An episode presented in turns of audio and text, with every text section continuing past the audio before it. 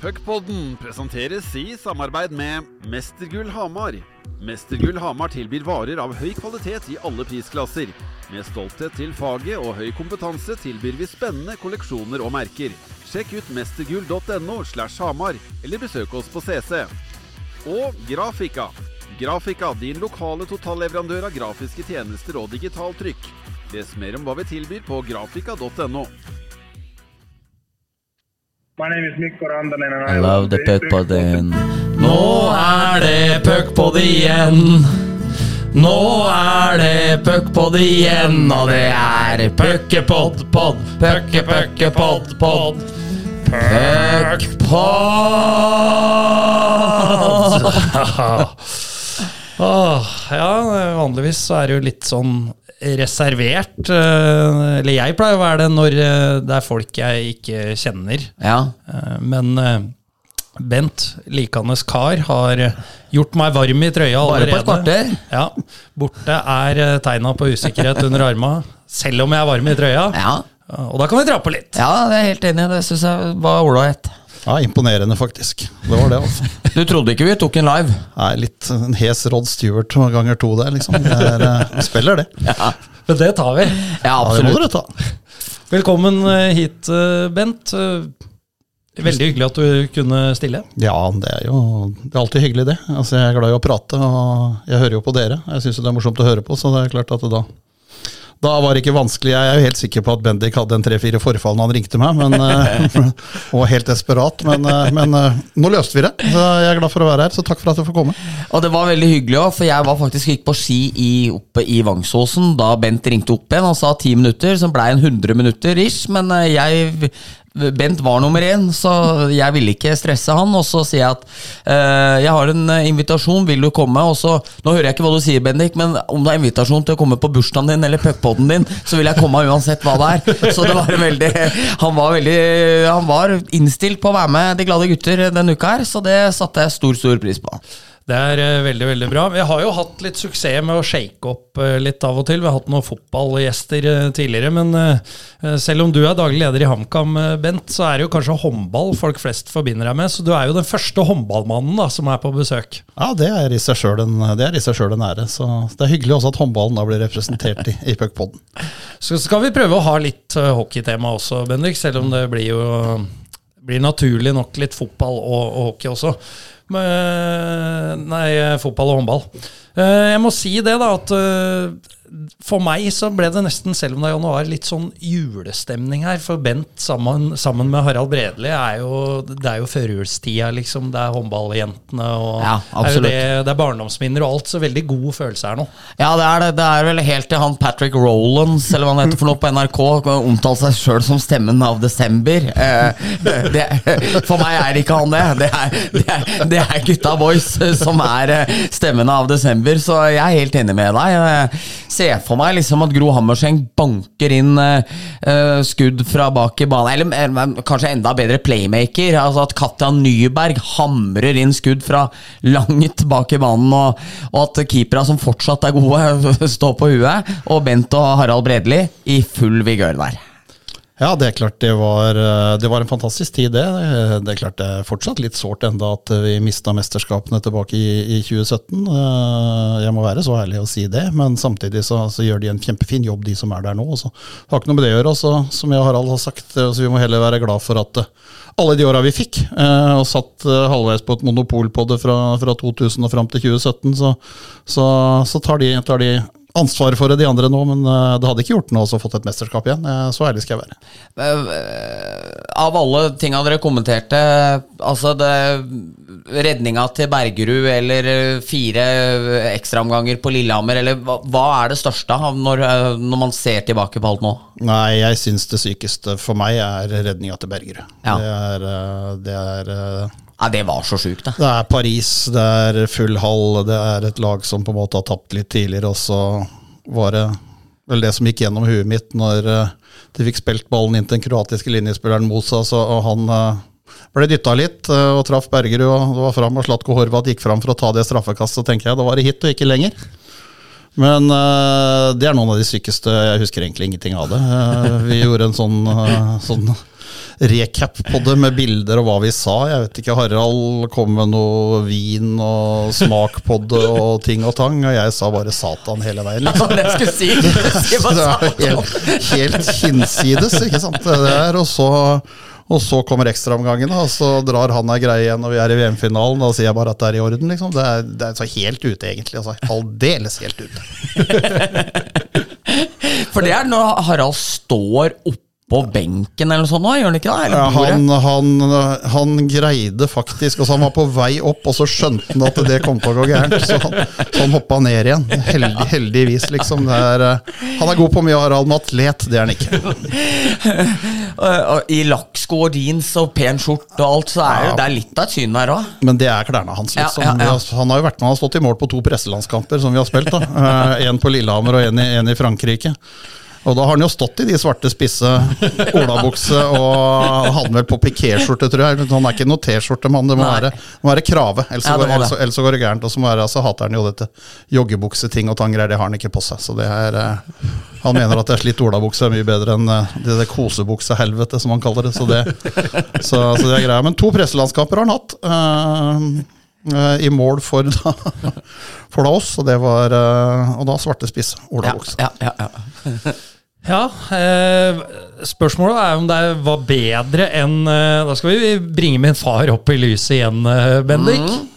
Han uh, sier jo også det at han har stått i mål i håndball én gang i sitt liv. Uh, og da slapp han inn alle skudda unntatt to. Da kom han ikke unna.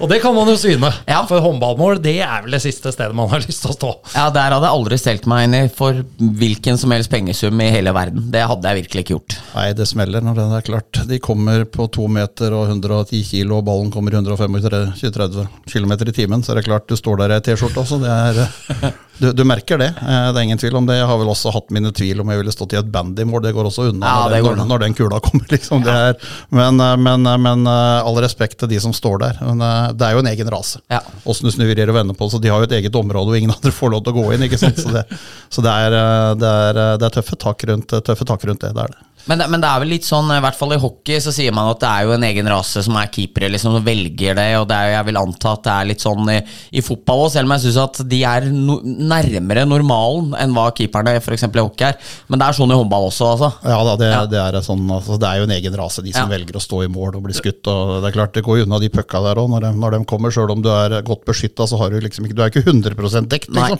det er ikke det. Så, så, så det, er, eh, det er ganske rått og tøft å stå der. Kaste seg inn Ja, det sier seg vel kanskje sjøl, det som du sier, at når du velger å stå der og bli skutt på, at det er ditt eh, lodd i livet, da, da er du jo litt spesiell, Ja, på en Ja, måte. Du er det. Du er det. De er ofte det. Uh, vi kan håpe jeg, Eller jeg håper, da, når jeg bringer dette frem i lyset Nå prata vi litt om uh, din gode kollega Harald Bredli. Og Marius Skjelbæk, eh, vår eh, venn i B-laget, han hadde jo en fantastisk eh, session på Snapchat noen år tilbake, når serien Narkos Narcos om Pablo Escobar herja, mm. hvor han fotfølte Harald Bredli i TV 2s eh, lokaler. Filma og la ut på Story med, med da var vel intro og holdt på å si mellomspillmusikk og alt sammen fra Narcos-serien. Så Marius, hvis du hører på, vil vi gjerne ha de eh, kanskje ut på Twitter. Ja, så men- folk kan sjekke ut det, for det var en artig sekvens. Ja, og var, og Bredli var ikke komplett ulik. Eh, han er jo ikke det. Det er, eh, det er altså sånn, I handling så er han faktisk komplett ulik, men, men sånn av utseende så er det klart I ei bakgate i Bogota så kunne jo kanskje blitt tatt for det, liksom, hvis alle hadde begynt å bukke for det. Eller å lande på flyplassen. Han er oppstanden. Ja, rett og slett. He's back. Ja, nei, Vi håper at eh, Marius kan få det ut til folket. så skal, eh, Nå har jo han eh, litt større følgerskare enn oss, men da skal vi love å hjelpe den ved å publisere det ut. Kanskje vi har to-tre som følger oss, som ikke følger han. Ja. Så det skal vi forsøke å få til. Bent, vi må snakke litt om det jeg har i notatene mine som reality-møtene med Thoresens. Dere var jo med i Familiens ære. Eh, Der det blant annet hvor det konkurrerte mot, eh, mot Patrick eh, og Petter. Hvordan var det? Nei, det er klart, det er jo alltid tungt hvis du skal være med i en konkurranse, og så kommer liksom reserven inn og vinner. Ja. For de var jo det. Det var det, ja? Ja, ja, ja. De har kanskje ikke sagt det. Nei. Jo, Petter, Petter var reserve. Han var det. Ok. Så, er klart, eh, så kommer jo vi andre inn da med barn på 16 og 17 18 år, og så kommer Petter inn med Patrick, liksom. Det er jo, det er jo, det er jo en vesensforskjell, sjøl om, om de utligna hverandre. Så Ja. Det er ikke det at jeg var i kjempeform heller, men det er klart Petter med dårlig kne, Ja. uh, som, eh, som skulle løpe rundt der. Men eh, hvis jeg kan banne, så fy faen for en tæl det er i det. Ja, det er det. Ja, det er det. Det er helt, helt ellevilt. Det, er- det er det ekstremt imponert eh, på alle mulige slags måter. Eh, Petter er en vinnerskalle, det ser du på en måte når du ser track-rekorden hans eh, som, som trener. Så er det sikkert ikke alt han har sagt og alt han har gjort han er like stolt over, men, eh, men eh, in the end, når du skal telle opp eh, bøtter, så, så har jo han vært, eh, vært helt fantastisk til til å kunne skape det. og den vinnermentaliteten han har, den har han i hvert fall overført eh, til Patrick. Det, det er ingen tvil om. Han eh, er en av de jeg er mest imponert over på alle mulige slags måter. Gjort det han har gjort, eh, reist dit han har reist, vært aleine når han forteller om, forteller om de tinga, hvordan det var. ikke sant, Å bo i Russland eller tidlig, tidlig til Amerika og humpe rundt på en buss og endte opp med det han, det han blei, og ikke minst da at han, eh, at han tar de sesongene når han kommer hjem og greier å ha motivasjon til å gjøre den sommertreninga. Og fortsatt være, uten at jeg er en sånn 100 hockeyekspert, jeg er ikke 40 engang, men, men, men jeg ser jo på han som den beste spilleren i ligaen. Og at, han fortsatt, at han fortsatt kan være det eh, i sin alder, det forteller jo egentlig alt. Helt enig. Og er det ikke Patrick, jeg mener han sa det en gang, at han hilste vel på Mathilde, dattera si, første gang på en flyplass i Canada, eller hva det var for langt uti der, liksom. Det er eh, for noen offer han har gjort, og for en karriere, og som du sier, Bent, det er det er, eh, det er litt av et hode. Ja, det er litt av et hode. Jeg syns han totalt sett også får for lite kred for, egentlig. Jeg syns han, har- han har vært eh, en av de store. Det er vi helt enige om. Uh, Puckpoddens gode venn får fortjent hyllest igjen. Ja, selv om han ikke møtte til intervju på ringside på lørdag nå, så en liten, eh, liten eh, ripe i lakken der. Eh, men, men det må han få lov til. Han må få lov til. Han, han, Ja. har, han har lov til å ha litt nykker, faktisk. Ja, han har det. Selv- selv Og så om har han selv om han egentlig ikke- Ja, det er, altså, det er så lite. Han burde Ja. egentlig hatt mye mer. Ja, han burde det. Ja, han burde det. Så, men, men måten han jagde faren sin fram på i, i de konkurransene vi holdt på med, og Petter som beit tenna sammen, ikke sant. Altså Run Forest, som han ropte til en hel tid. Han halta, halta som i Forest Gump og føk av gårde. Så, så, så mentaliteten i det For det var ingen tvil. altså Jeg og Petter var jo de to eldste. Ja. Ja, sånn Rent formmessig så var vi nok også der. Ja. det, det, det må vi være ærlige på. Men, eh, men eh, vi var desidert best på kveldene. ja, det vil jeg tro. Ja, glass og to på bordet der, da, da, da regjerte vi på en helt annen måte. Da blei de andre små. Og det var litt koronaboble og sånn òg, var det ikke da? Så dere var litt låst til hverandre, hele den gjengen deres der? Ja, det var litt, det var litt, sånn, eh, litt sånne koronarestriksjoner på, Ja. på noen ting, så vi fikk lov til å spise på en restaurant over gata. Så var det så var vi flinke i resepsjonen på hotellet, egentlig. Der var vi ekstremt gode. Så der du og Petter trøbla litt mer på idrettsbanen, så i, i, i beger skjenk, så var det vassere, liksom? Ja. Ja, der, var vi, der hadde vi vunnet. ja, den hadde vært grei. Som par, ja. Der, Sjøl om noen prøvde å henge på, så er det Oddbjørn Hjelmeset er jo også periodevis flink til det, men, Ja, han er det, ja. ja, men det holdt ikke. Nei, det ikke. Gjorde ikke det. Men, men man så litt på Petter, hvis man litt sånn familiens æreanalyse av det, at man har aldri sett et ansikt ha så mye lyst, eh, men en kropp ha så lite lyst, på en måte. Det, det var imponerende, og med dårlig kne og BMI kanskje på litt over 25, liksom, så det, det, det ble jobba litt mentalt der, tror jeg. Jeg tror vi toucha 30-tallet begge to, liksom. Så det er, eh, det er klart eh, Bislett, hekkeløp, det var ikke akkurat eh, over og under, liksom. Det var ikke, var ikke skreddersydd for dere? Nei, det var ikke sånn, det var ikke den øvelsen vi ba. Så vi kunne bedt om en øvelse, hadde det vært den vi ba om. liksom. Det er, Så ærlig må vi være. Men, eh, men, men for all del. eh, Fantastisk morsomt. eh, Hyggelig å komme så tett innpå, tett innpå de og se liksom eh, den, eh, den, den passion eh, og det forholdet de har eh, til hverandre med å jage hverandre fram. Så det er nei, rett og slett stas, altså. Det, jeg må si det. Du nevnte jo at uh, du Ja, hva du sa? 40% hockeyekspert? Eller Så vi Jeg må, tror jeg drar til der òg, men det jo men vi må spørre litt om forholdet ditt til øh, hockey. Du har jo øh, hatt base på Hamar i ganske mange år nå, så, og da er det jo ikke til å komme utenom at man får et forhold til Storhamar også. Nei da, jeg har, har et forhold til Jeg syns hockey er morsomt, eh, morsomt å se på. Jeg er jo også Jeg er jo opprinnelig fra Holmestrand, og i Vestfold så hadde vi jo svensk TV, så jeg er jo født og oppvokst med TV-pucken. Det er jo ikke alle andre som har sett, så, så, så jeg har jo hatt, eh, hatt et forhold til hockey hele veien. Jeg syns det, det er fartsfylt og fint, men, eh, men eh, jeg syns jo det tar jævlig lang tid. Ja, for det prata vi litt før vi begynte å, Ja, det gjør jo spille det. inn Ja, det gjør det. Det er, eh, det er liksom Når du selger 800 liter kaffe på en kamp, så tar det tar kvarter for mye, da. Men, eh, men, eh, men, men jeg husker jo altså Jeg var jo på en eller annen finale da Stavanger-Storhamar, tenker jeg. Sarstad i boksen til, til Storhamar og Petter for, for Oilers. Og det taktiske spillet skjønte vi jo gikk hele tida der. ikke sant? Du kikka på klokka, og det, altså de brukte jo to-tre minutter hver gang de skulle gjøre et bytt, for de skulle se hvem de satt på. Så det må jo være sånn, sånn speede opp det litt. Og så har de vel sånn sett Det har jo ikke hele tida vært 18 minutters pause. Det er vel også sånn uh, i grenseland, liksom. Så jeg må være ærlig da at jeg var på en av finalene i fjor.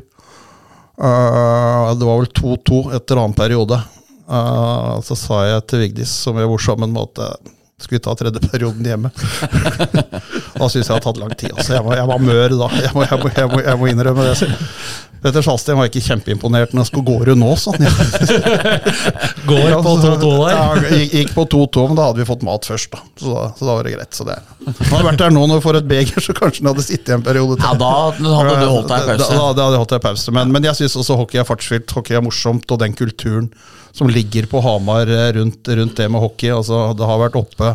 Det var langt, langt langt nede, og den snuoperasjonen i den romjula det året med romjulskamp på Vålerenga og 7000 mennesker, hvis ikke jeg husker feil, og etter det så, så har jo på en måte publikum eh, storma til, eh, til CC Amfi. Så det er Så all ære til måten de har jobba og gjort det på, og, så, og all ære til, til publikum som, som kommer. Bana det litt vei når du sier det, for jeg synes det er litt interessant. For jeg dekka jo HamKam mye det året dere rykka opp med Kjetil Rekdal som trener og Frigård, og du som daglig leder der og sånne ting. Altså fra HamKam òg var ganske dødt for ja, 2015 og noen år fremover der òg. Altså, på en måte det potensialet man ser i når man begynner å få til noe i Hamar, så eh, Tenkte dere litt på hockeyen, hva de på en måte fort klarte å snu til og noe veldig positivt, når dere begynte å komme litt i draget der? Ja, det er klart at eh, du, du, du skjelner jo altså Hamar er en fantastisk by på, på den måten det er. Altså, det er en liten by, men en voldsom idrettsinteresse. Eh, og, og hvis du tar med omegn nå, så, så er det klart de er flinke til å gå på idrett og flinke til å støtte opp om, om de lokale lagene sine. Og så, så er det klart at det er jo det eneste hinderet du da har for å få til det, er jo at du, du må levere på sport. Det hadde jo ikke HamKam gjort. Eh, de var jo med ett og et halvt bein i Post Nord. eh, og så kom Kjetil, og så greide de på en måte å berge, berge den høsten. Eh, og så var jo han helt tydelig på at vi skal være i toppen, liksom. Og sa etter første seriekampen hjemme at nå er vi på toppen, her har jeg tenkt å være. Ja. Eh, han er jo punch. Ja. Eh, han er jo det. Så, så, så for all del eh, Og da vekkes jo interessen litt igjen da, og så får vi gjort noen grep, et kameratkonsept som på en måte ble tatt veldig godt imot. og, og å gjøre det. Så det er jo mye lettere å bygge når, når du på også begynner, begynner å levere på sport. Det er, det er ingen som helst tvil om. Og så handler det jo på en måte om å da fortsette å, å greie å levere til, til en viss grad, sånn at du kan, du kan holde der oppe. Men, men en hyllest til, til eh, folka som bo- bor eh, på og rundt Hamar for måten de støtter opp om, om lokale lag. og det er klart det er, det er kult i CC Amfi når det er en semifinale mot Vålerenga. Det, det er 7000 mennesker. Det er et helvete for oss som bor eh, akkurat over uh, Hedmarkstoppen på Ringsakersida når du skal hjem, selvfølgelig. For det går jo en haug med Det kommer jo ikke ut på veien, ikke sant. Det, det durer å gå biler rundt hele veien. Men, eh, men, men, men, jeg er imponert over det de, det de har fått til, og det, de har gjort, gjort på sport. Det er, det er fantastisk. Nevner jo litt altså Når du snakker om den snuoperasjonen i HamKam, da, så HamKam har jo likhet med Storhamar en litt eh, brokete historikk eh, med tanke på økonomi, for, for å si det pent. Eh, men nå, nå virker det jo som ting eh, er på stell på, på Briskeby. Er, eh, hvordan har dere bygd der, altså for å få til det? For der vet vi jo at Storhamar ikke er per dags dato. Det er rett. Nei, det er jo rett, men så er det klart, fotball skiller seg jo fra, fra hockey og andre idretter på, på ett punkt. Og det er jo at hvis du Det er kjøp og salg av spillere. Mm.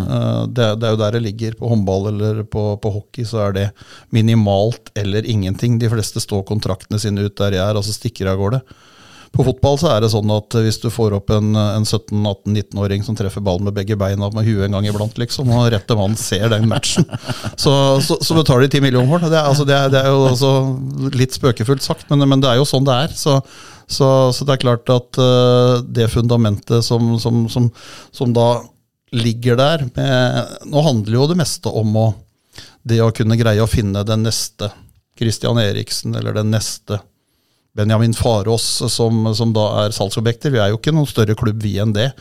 Uh, du kan jo se på et Bodø-Glimt-lag som da spiller inn hundrevis av millioner i, i Europacup. I tillegg så selger de spillere for uh, De sa vel nei til 130 millioner for Grønbekk nå, liksom. Da, mm. da skjønner du det. De hadde, de hadde verken HamKam eller, eller Storhamar Hockey gjort, liksom. Så det er, så, du, har litt rom i budsjettet da. ja, du har noe på høyrentekonto da, er jeg redd for. Så, så det er klart at det er, det er jo den store forskjellen i det hele. Eh, den ene delen der, og så den andre delen som selvfølgelig ligger i mediepengene, hvor fotball er, en, er den største idretten, og den, den idretten det er mest betalingsvilje for fra, fra, mediene. Det er klart at eh, når du da kan, kan, kan være en del av det, så, så, er jo det som er, det er jo det som er fundamentet her, egentlig. Men eh, vi må finne nye spillere. Vi er nødt til å selge noen spillere hele veien for å kunne opprettholde, opprettholde de tinga som er. Uh, nå har ikke jeg satt meg sånn kjempe inn i målsetningene til uh, HamKam, men uh, altså, hvor høyt sikter man? Nå snakker jo du om å utvikle spillere og, og selge dem, men er på en måte taket nådd ved å være etablert i Eliteserien, eller, eller, sikter man høyere etter hvert?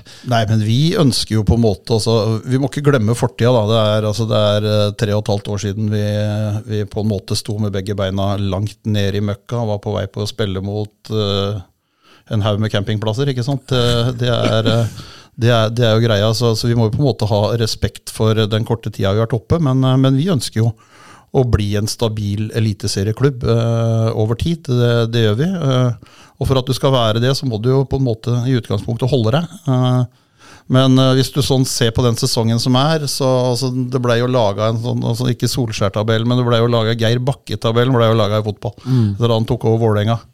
Og det var vel de siste 16 kampene, tror jeg, eller 18 kampene eller noe sånt. Og hvis vi, hvis vi tar våre resultater på Geir Bakke-tabellen, så var vi nummer seks.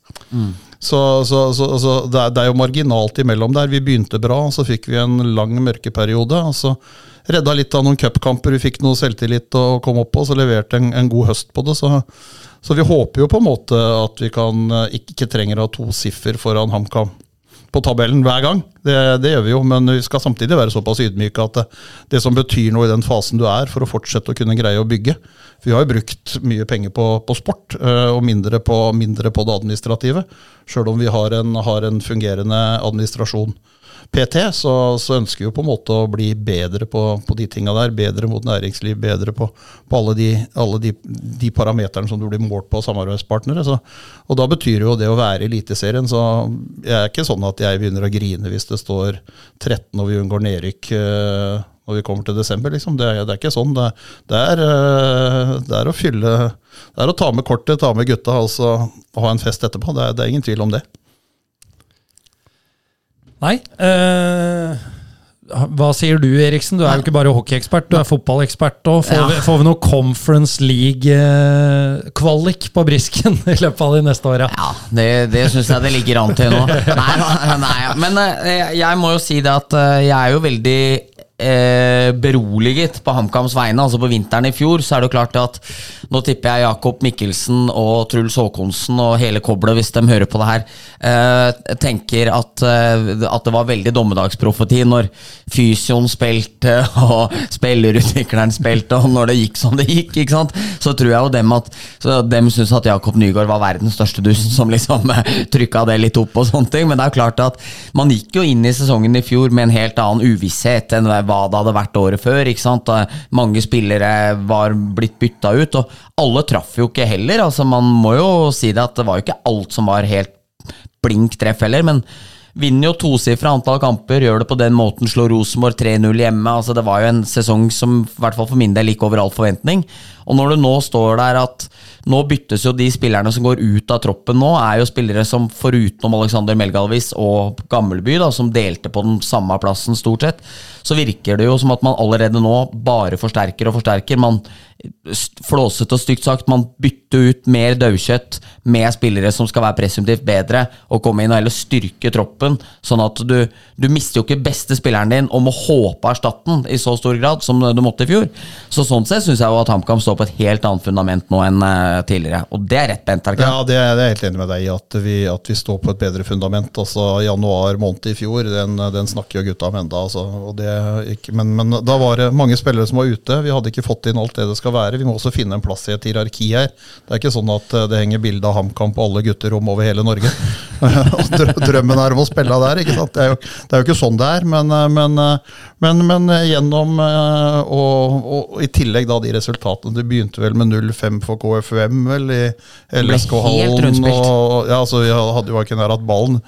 Kongsvinger spilte oss trill rundt på Hiasbanen. Ja. Redda noe motvind i annen omgang. Så det, så, så, så det er liksom så, så det så jo ikke bra ut. Uh, Tippa desidert i bånn alt og alle, men det er klart uh, Serieåpning vinner, andre hjemmekampen vinner, slår, eh, slår Sandefjord i første og, og Gods i andre hjemmekampen. Og så, så, er det, så, håper du og tror du, ikke sant. Men, eh, men eh, det er ingen tvil om at vi er bedre rusta nå, fordi at vi har, eh, vi har flere spillere som har vært med nå da hele, hele oppkjøringsbiten. og og nå reiser de til Tyrkia neste lørdag eller ei uke for å få trene på litt, eh, litt bedre forhold enn en, en mange blå. Og en Marbella-tur etterpå. Så vi kommer til å ha helt andre forberedelser inn mot sesongen. Det, det, det har vi, og så vet vi at de fleste lagene hater å spille mot oss. For det er klart, det er, det er mye er Vi er vel det høyeste laget, tror jeg. så det er... øh, og, og fysisk spiller vi, så det gjør vondt egentlig å møte, møte oss. Det, er, det så vi jo.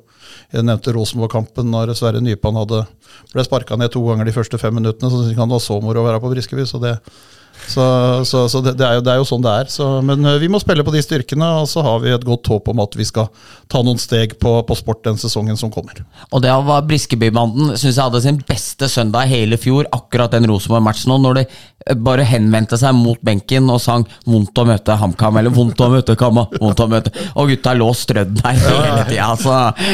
Men det var identitetsmatch òg, da. Virkelig sånn DNA liksom for hva HamKam ønska å være, tror jeg. Ja, men det er, det er helt klart. Vi ønsker å være vanskelig og vonde å spille mot. eh, Det er, og så ønsker vi selvfølgelig å utvikle spillet vårt og bli bedre med ball, og det ønsker jo selvfølgelig de som er her også. og Så da må vi jo bare ta det. Men, eh, men bud 1 er jo det er jo det er ikke sånn at, eh, det er ikke sånn at eh, Drillo, som eh, tok Norge til nummer to i verden på Fifa-ranking, liksom, han spiller jo ikke noe Barcelona. Men, men resultatet skygger jo på en måte over eh, Bjørnebytte Flo, også en eller annen som løp bak der. og og putta den ballen i mål. Så, det er, så, så resultatet trumfer jo alt egentlig åssen du snur og vender på det. Men det er klart, det å, det å kunne trille litt mer ball og hvile litt mer ved å ha ballen, det, er, det vil jo være en, en viktig greie. Absolutt. Resultatet trumfer alt, eh, Bendik, i toppidrett. Og resultat, det ble det for eh, Storhamar på Jordal Amfi på lørdag. Ja, fy faen sin. 6-0? Nei, 6-1. Eh, det- ble endra nå, det, det målet. Sånn at nå er det ikke mål. Så det er- er 6-0 i dag, da, siden det var 6-0 på lørdag. Eh, Også flåsete sagt, men nei, det var stor, stor forskjell på de to kampene på Jordal Amfi på lørdag kveld. og jeg syns bare i intensitet i hvordan man på en måte går inn i det, eh, er Storhamar Den bare spiser opp Vålerenga på en helt annen måte. Eh, taktisk briljante. Eh, mye hvassere rundt begge måla. Flinkere til å vinne løse pucker. Storhamar føler jeg De får liksom ikke noe de får ikke noe gratis heller, de bare tar alt sjøl. Og vi prata jo om hodene til Petter og Patrick i stad. Eh, folk som ikke var der, som eh, bare så på TV, så jo avslutninga av hvordan Petter håndterer og ser på kuben at Storhamar blir eh, snytt, eller altså at Vålerenga får den 2-1-skåringa godkjent. Og han var så sint. Du så det fra 40 meters hold hvor gæren han var. Men det å da klare å, å snu hodet sitt og gå inn i pausa og ikke føle at man er robba for 2-0-ledelsen, men heller klare å motivere seg til at da skal vi gå ut og gjøre det enda hvassere i tredje. Eh, mektig, mektig imponert over det Storhamar gjorde der. Det vant seriegullet med innstillinga si på lørdag. Ja, for eh, vi, vi meldte jo det på forhånd, at, eh, at hvis eh, SIL vant, så, så ble det seriegull. Og nå, nå er det jo bankers. Det er det. Eh, kommer ikke til å rote bort eh, det her. Men var det i 03-04 eh, med den berømte finaleserien også, men da ble vel òg Storhamar seriemestere etter at Vålerenga hadde rota bort, var det tolv poeng? Ja, det kan være. Tror det. At Ja. ja. Vålerenga tapte borte mot TIX i siste matchen, i hvert fall, hvor de fortsatt hadde mulighet da, okay. til å ta det. Så Som gjorde at Ramar fikk den syvende hjemme, som Smithers da gjorde. ja. Så det ble jo ganske fordelaktig å vinne serien. da. yes, helt riktig. Så eh, det, det kan skje, altså så lenge det er teoretisk mulig, men eh, vi mener at det ikke skjer. Nei, det kommer ikke til å skje nå. Og jeg må jo, hvis vi drar det litt lenger, da Jeg tenker jo Vålinga eh, taper 4-1 mot, eh, mot Sparta, eh, der de egentlig får en goal på at Sparta tar foten litt av gassen. Men eh, jeg, jeg har en eh, selverkjennelse og selvransakelse her at jeg og du er nok hardere mot utlendinger enn mot nordmenn. Fordi det er få utenlandsk pass, få med utenlandsk pass som hører på oss. Men, men når man ser Vålerenga som slipper inn ti mål på de to kampene der, så kan du si at keeperspillet til Breivoll er ikke bra nok. Det er, eh, det er, det er ikke til stikk under stol. Uh, Mattis Olimb uh, gir jo bort uh, Skåringa som Sparta stikker fra kampen på, med det slagskuddpasset på tvers i Sparta Amfi der. Mattis Olim, min alltime favoritt, sammen med altså Jeg mener han, Holøs og Thoresen er de tre beste spillerne på det norske landslaget de siste 15 åra. Mattis Olim taper duellen som gjør at Rønhild stikker av gårde og skårer 2-1. Han har en forferdelig feilpasning inn i banen som gjør at Martinsen reiser fra Solberg og legger en til Rønhild på 3-1. Altså der, der gjør jo Vålingas beste spillere det på en måte Patrick aldri gjør for Storhamar. da. Eh, så ser du på Vålinga den matchen at Martin Røymark spiller nesten 24 minutter. Uh, en 37-åring, er, er det bærekraftig når du skal slå et uh, så tagga og bra Storhamar-lag? Det tror jeg ikke. Jeg tror liksom at Vålinga må litt tilbake og litt uh, gå seg sjøl ordentlig i dybden og se hva de kan gjøre for å stille på en helt annen måte i de matcha her enn hva de gjorde nå. For uh, Andersson føler jeg ble utcoacha atter en gang av Petter, og de de klarer liksom ikke å få maksspillerne sine til å være så gode som de bør. Martinsen gjorde som en ville på lørdag, liksom. Ja, det var eh, beast mode. Ja, det var godstog, hørte jeg bare oss kalte den, og det, og det var ikke helt bom. Men eh, det må jo, jeg tror vi har nevnt det før, eh, men det må jo være deilig for Martinsen, for han ser vel ut Altså fysisk, når han bestemmer seg for å skjerme puck, så ser vel det antagelig ut som når jeg skjermer puck på vinterhockeyskolen. Ja, Eh, det er nok sammenlignbart, faktisk. ja. Jeg kan ikke røre meg, Nei. de fire-femåringa. Nei. Nei, jeg er helt enig, og det var eh, Fy faen, for en match han spiller, liksom. Og jeg så Follestad tvitra om det, at nå fikk jo Vålinga smake den Martinsen-versjonen de sjøl håpa å få i fjor. Ja. eh, Som kanskje ikke funka like bra for Vålinga som han har gjort for Storhamar. Virker jo å trives veldig godt og ha en bra hverdag òg. Det er jo noe annet å kjøre 30 minutter fra Brøttum kontra ned til Lillehammer, i Stars, eh, ta tog i to timer og komme seg opp på Jordal her og drive med dette dag etter dag. Du får litt annen energi, og det ser ut som Martinsen eh, virkelig har fått det. og når han er så god som på lørdag, så er det ikke mange i ligaen jeg ville plukka foran han. altså. Det kan jeg godt si. Nei, og så øh, skal vi snakke litt øh, Vi skal snakke både arrangement og skøyteskåring. Vi får ta skøyteskåringa først. Jeg regner med du så kampen. øh. Bent, hva, hva syns du om øh, at spillere sparker pucken i mål og får det godkjent? Nei, det hører ikke hjemme noe sted. Det gjør ikke det. Jeg har jo sett diskusjonen etterpå, liksom. Jeg kan liksom ikke skjønne at de, de trekker fram et eller annet. Men nå ble jo den regelen endra. Og det er jo det naturlige av det. Du kan liksom ikke sparke den pucken i mål når han ligger sånn. Den ligger jo stille der, og så skyver han skøyta fram. Så det, det er, eh, det er Specsavers på de som dømte. Det er, det er, ikke, det er ikke noen annen måte å gjøre, gjøre det på. Det er, eh, det er greia. Jeg hadde jo et par tekstmeldinger med Jeg gratulerte Petter på lørdagskvelden, og da er jo han sånn som han pleier å være. Sikkert alltid altså, Ja, gutta var gode, liksom. Så jeg måtte jo skryte litt av han og sier det er greit de er gode, men sjøl gode spillere trenger en ålreit arbeidsleder, og det syns jeg. Syns jeg han er. Så det, så, Var han enig da? Uh, han takka i hvert fall. Ja. Så han er innerst inne så er han nok enig i det. Ja, det tror jeg nok. Sy- Syns det er litt ålreit med skryt, han òg. Ja, det er, ja, og det er fortjent. Jeg syns Joakim Jensen, eh, den gamle Storhamar-spilleren, skriver det fint på Twitter. Kongsvinger-spilleren. Ja, men han er jo gamle Storhamar-spilleren, Ja ja selv om han her nå er Kongsvinger-spiller. Ja, eh, Kongsvinger-spilleren Joakim Jensen skriver følgende Det IEF og NHL sier her Når man klarer å tolke regelen på denne måten, må det gjøres en endring umiddelbart, for slike mål kan åpenbart ikke bli stående. Og det er jo satt på spissen, men det er jo veldig godt sagt at hvis du med, med lykt og lupe leter etter en måte å feiltolke regla som det var, så må det siste mulighet for at det skal kunne skje, det må tas vekk, sånn at det aldri kan godkjennes igjen. Personlig så ble jeg så usikker sjøl, for det var for meg så obvious at det skulle annulleres. Så når det ikke skjedde, så ble jeg sånn Er det et eller annet i regelboka som jeg ikke vet, som gjør at det her er? Og det er jo der den tolkninga kommer inn. Men jeg tror også, hvis Winneborg og Roy Stian hadde latt skåringa bare bli annullert, så ville ingen heva et øyebryn etterpå, liksom. Nei, og vi chatta jo litt, eh, Bendik, så jeg må bare stå for det jeg skrev. Så Ja. jeg har notatet oppe her. Men altså, jeg, jeg syns uh, Winneborg jeg, jeg skjønner hva han prøver å si Ja. med at hvis uh, Partan hadde gjort det der mot Rønhild i rundvante, Ja. så hadde han antagelig ikke fått matchstraff og spark.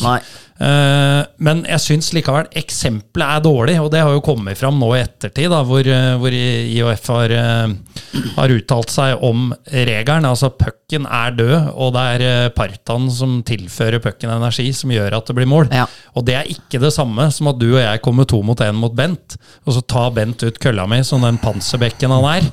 Og du spiller et knallhardt pass på skøyta mi, som jeg vinkler, Nei. og pucken i mål. Nei.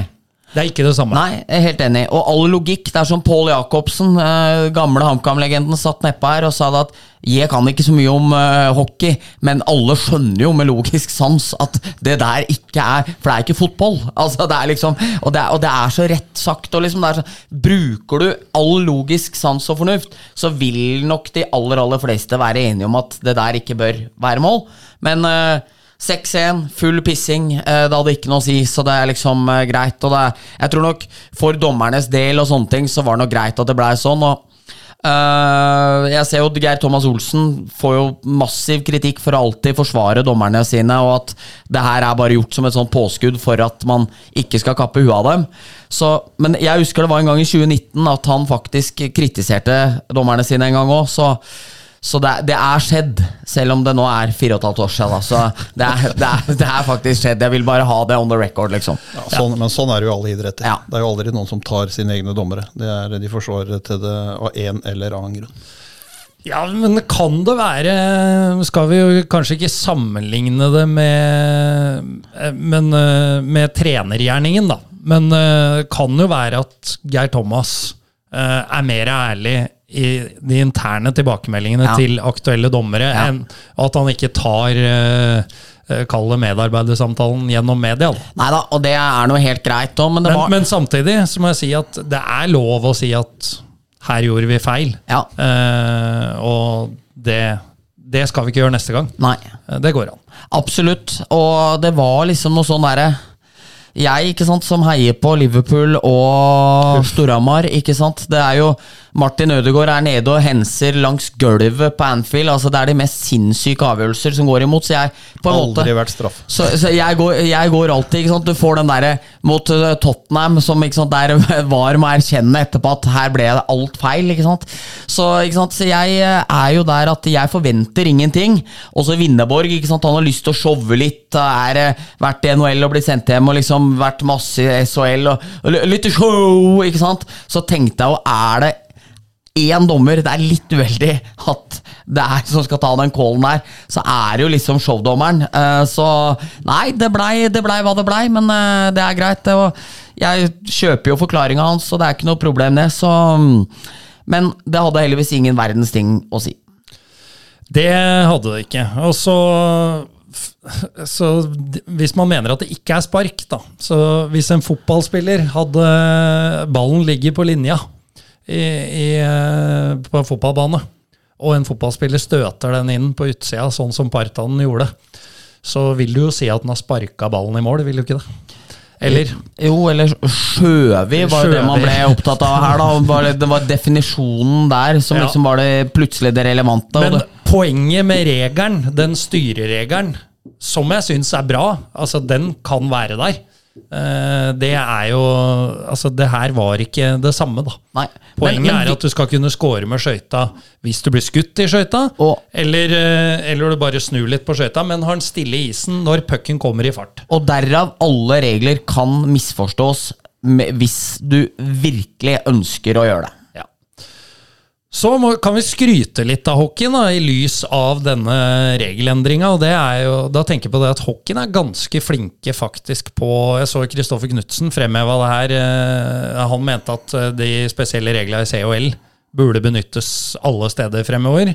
Njet. Eh, Det kan vi ta en eh, debatt på en annen gang, men hockeyen er ganske flinke til å endre reglene eh, sammenligna med fotballen. Altfor flinke. Eh, ja, men Da tenker jeg på red line offside, Ja, det for eksempel, det. For en håpløs regel. Ja, ja. Eh, at det nå er eh, De prøvde seg jo med touch-icing først. Funka dårlig. Mye skader, farlige situasjoner. Mm. Uh, gått over til den tenkte linja. En bra nyvinning, heller enn at det blir icing hver gang noen glasker den opp.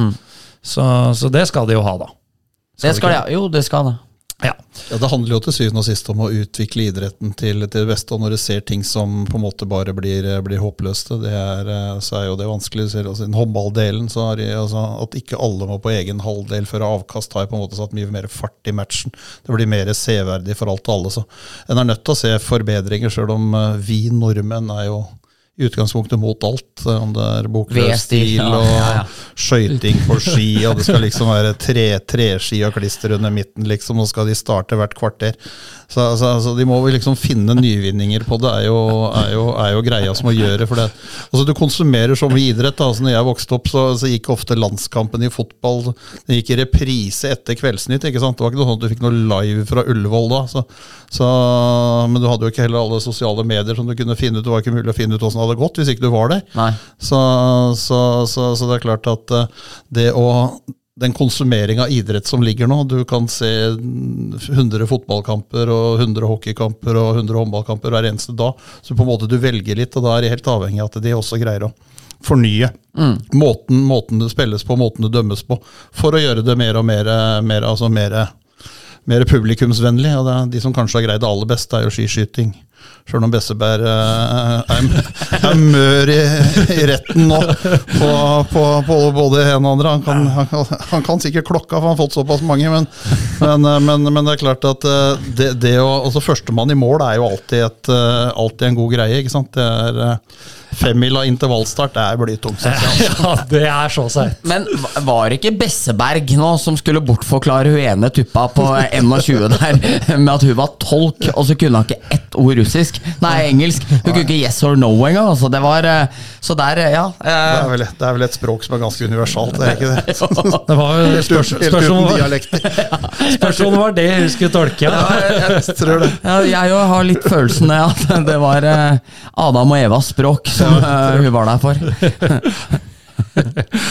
Ja, den er sterk. Eh, Men vi snakker om nyvinninger, arrangement, det må være attraktivt for publikum. Bent, du har jo allerede kritisert uh, hockeyen for, uh, for uh, at det tar litt lang tid. Uh, og så, men vi skal diskutere lys på hockeymatcher ved etter litt reklame. Yep. Puckpodden presenteres i samarbeid med Økonomipartner Hamar. Vi i Økonomipartner Hamar er svært opptatt av å ikke bare være en solid tilbyder av regnskapsmessige tjenester, men også være en god sparingspartner for våre kunder. Sjekk ut okpartner.no. Og Vestrum AS. Vestrum AS bygger nyttekjøretøyet du ønsker. Sjekk ut vestrum.no. Vestrum med W, altså. Ja, det var Vestrum med W. Ja, det var det. Men eh, ja, vi skal diskutere lys på, i norske hockeyhaller. Det har vi gjort før. Eh, denne skøyteskåringa som, eh, som vel de aller fleste nå er enige om at ble feilaktig godkjent. Det var jo nesten så vi ikke fikk noe å diskutere, for det var en, en trigger-happy mann ved lysbryteren på Jordal. Kyrre Merg, eh, ikke Kyrre. Nå, for jeg fikk streng beskjed om før kampen på lørdag om at det er Kyrre, ikke Ja. Kyrre. Ja. Eh, ja, det var det, og han var ganske svett etter kampen òg. Jeg hilste på han nede i katakombene eh, da, og han sa det at eh, det var ikke mange framesa unna at det der hadde gått veldig galt. Og det bringer oss jo opp på diskusjonen om det. At jeg har jo vært, jeg har jo vært lysforkjemperen lenge nå. Eh, Njål Berge eh, var, presiserte for meg hvor mør han var av at jeg drev og gnåla om det her nå for et par uker siden. Og så kom jo superanledningen der alt jeg har sagt, virkelig kulminerte i at jeg har helt rett. For her kunne vi jo faktisk blitt stående med at det var mørkt Idet man eh, så hvordan pucken gikk inn, og dermed ikke hadde hatt noen videoer å vise etterpå. Én ting er jo at det er unødvendig å drive med det blinkende i lyset. Jeg, jeg skjønner jo i Oslo Spektrum når Karpe går på scenen at den må dempe belysninga litt, men midt under en hockeykamp, jeg kan ikke forstå det.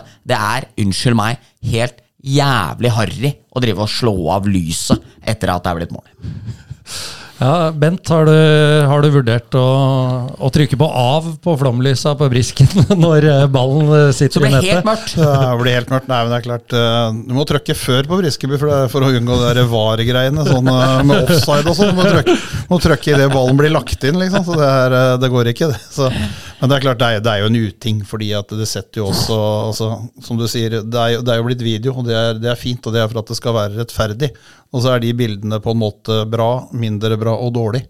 Og det er klart at Når du har tatt lyset, så blir de bildene dårlig. Det, er, det er jo det er, det, det er såre enkelt. Så, så de må liksom ikke sånn over eh, Altså ønske at det skal være, skape så mye stemning at det, skal, altså det blir ikke noe mer stemning når det er mørkt når du lager Nei, goal. Liksom, det er for det, det. altså det er øyeblikket når målet blir scora, så er det eufori åssen du snur, snur, vrir og vender på det. Det trenger ikke å være mørkt. for at, altså Det kan godt være hvis noen er flaue over å juble i lyset, liksom, men, men, eh, men eh, at det, kanskje det blir litt mer det at de tør å ta hendene av Men, men det kan ikke være sånn. Altså, jeg syns ikke det er noe stemningsskapende at lyset går og det skal blinke og holde på i det hele tatt. fordi at euforien kommer, kommer idet golden kommer.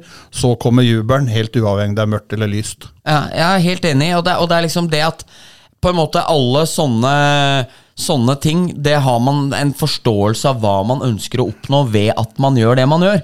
Men det er liksom, her, det, som jeg har sagt her hundre ganger, da. eh, Larivé skliende på knærne i Sarpsborg etter å ha scora utafor blåveien. Nå veit jeg at de slår av lyset på, på hjemmelaget sine skåringer, men altså, du mister jo det når Thoresen skårer Storhamars sluttspillmål nummer 500 i fjor ikke sant, og jubler opp der, og du ser klanen i bakgrunnen står og depper og sånne ting hadde, man hadde ikke fått bilde av det hvis det hadde slått av lyset. Det, det, det, det er for meg helt ikke en eneste grunn til at man gjør det. Så hører jeg, jeg hører liksom at lederen i Vålinga sier at det er kult inni hallen. Det er det heller ikke. Så det, er- det, er- dritt på TV. Det er stusslig i hallen. Det, det fungerer ikke i det hele tatt. De gjør det ikke noen andre steder heller. Det er ikke noe fett. Det er- Så det er bare å gi seg med det. Så Follestad høvla over det nå på, på Twitter der. Uh, vår gode venn Dimitri, som er litt trigger-happy, han var også helt enig. Så jeg mener at uh, det, her, det, er, det er bare å slutte med det. Det er ikke noe kult.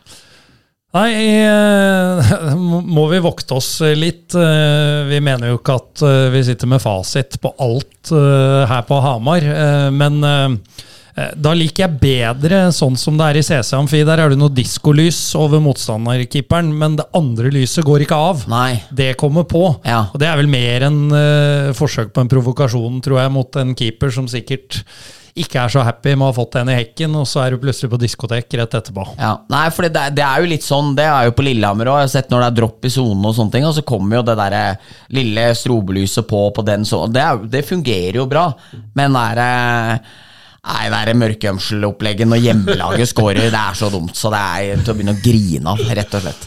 Ja, så, Men det var godt å endelig få en anledning, for nå har jeg virka som en sånn der gnagete gammel gubbe. Men her kom det for en dag hvor idiotisk det er når pucken danser på linja, og man er i fare for å nesten ikke se at pucken går over. Ja, for det er vel kanskje litt sånn Det har man jo sett flere ganger i CC Amfi òg, med det diskolyset. At det noen ganger kommer på når det ikke er mål.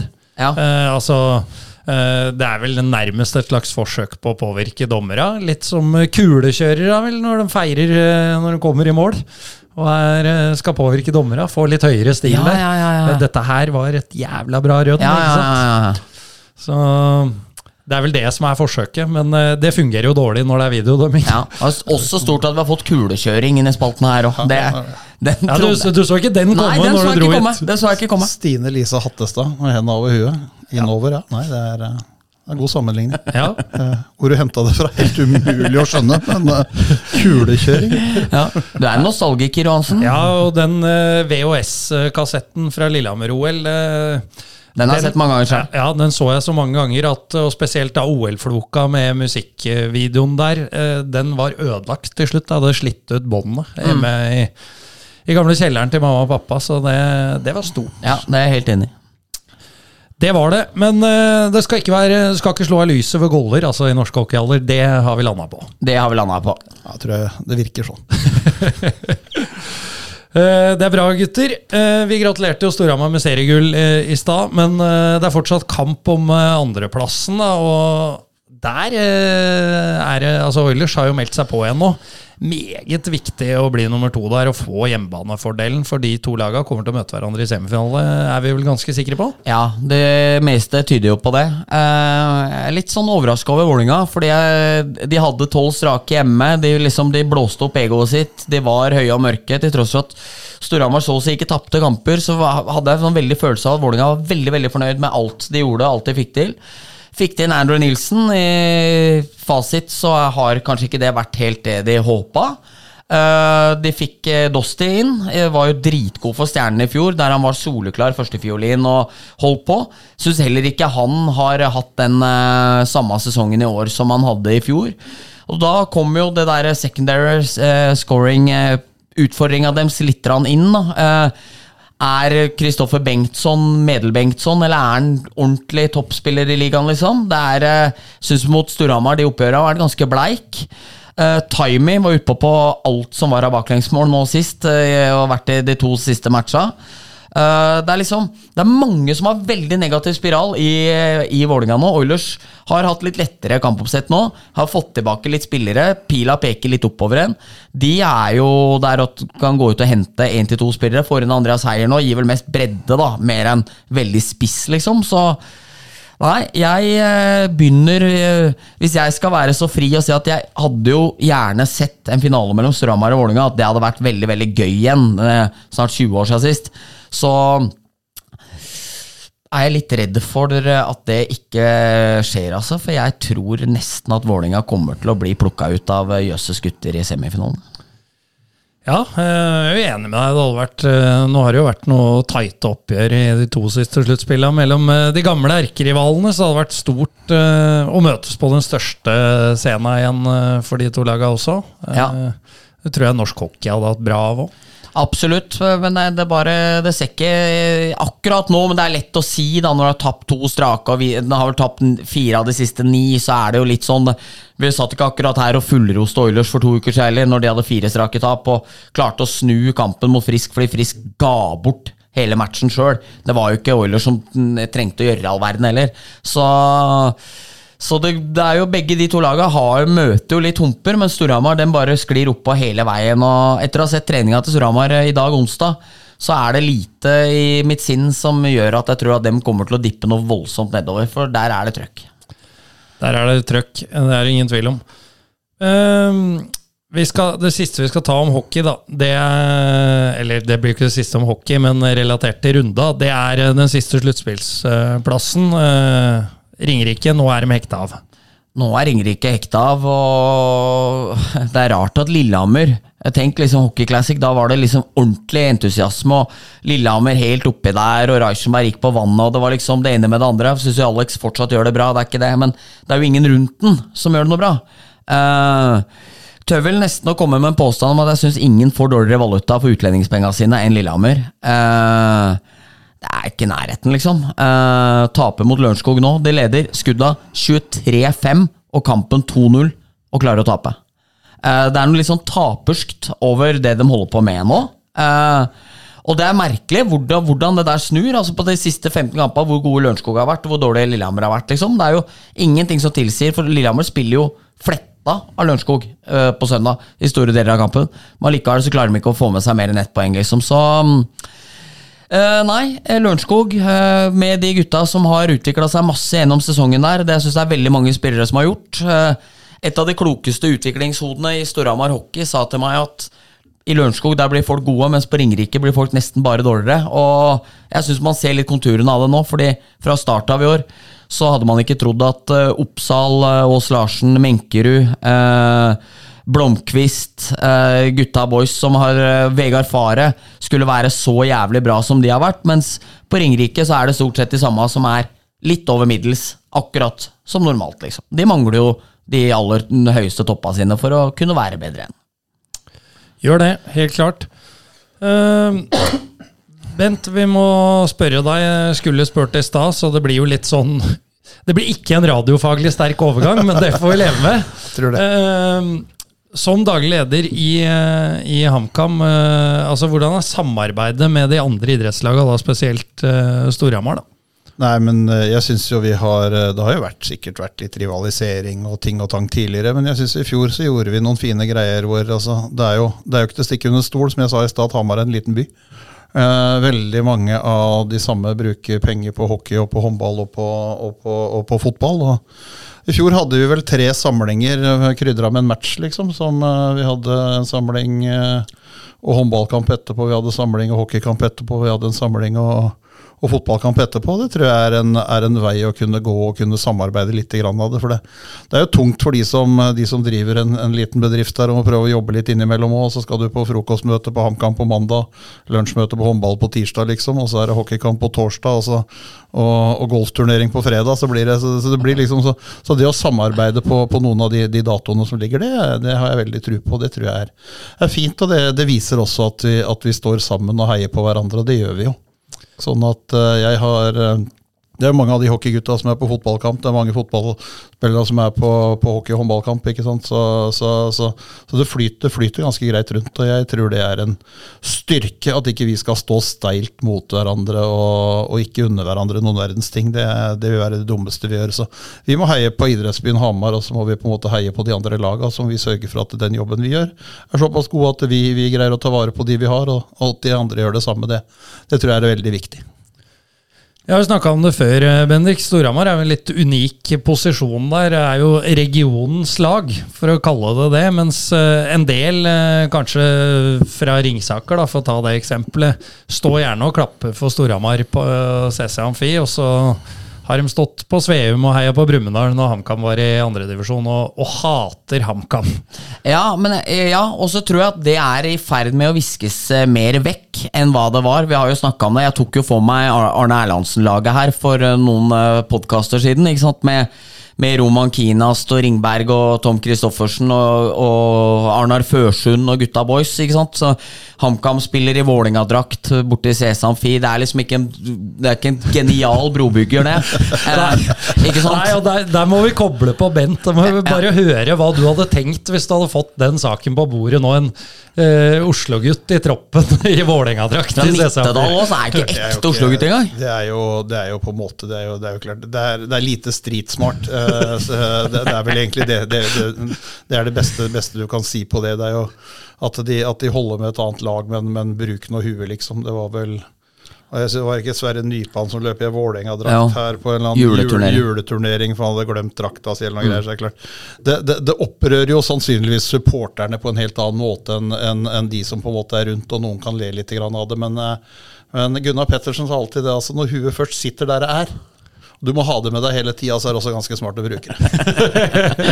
er, eh, det, er vel, det er vel sånn grunngreien en kan si på det. Ja, jeg, jeg tror jo det at en, en ekte Oslo Altså jeg tror jo Det ville jo vært idiotisk å skulle trodd at eh, Amin Nori heia på Storhamar mot Vålerenga når du er fra født og oppvokst på Oslo øst og er, eh, er DNA-et ditt er Vålerenga. Det er jo ikke det. og det er liksom men, men jeg mener jo at hvis man går tilbake til det, så det den provokasjonen at du har liksom lagt en 160-70 innlegg opp på klokka på klubbhuset.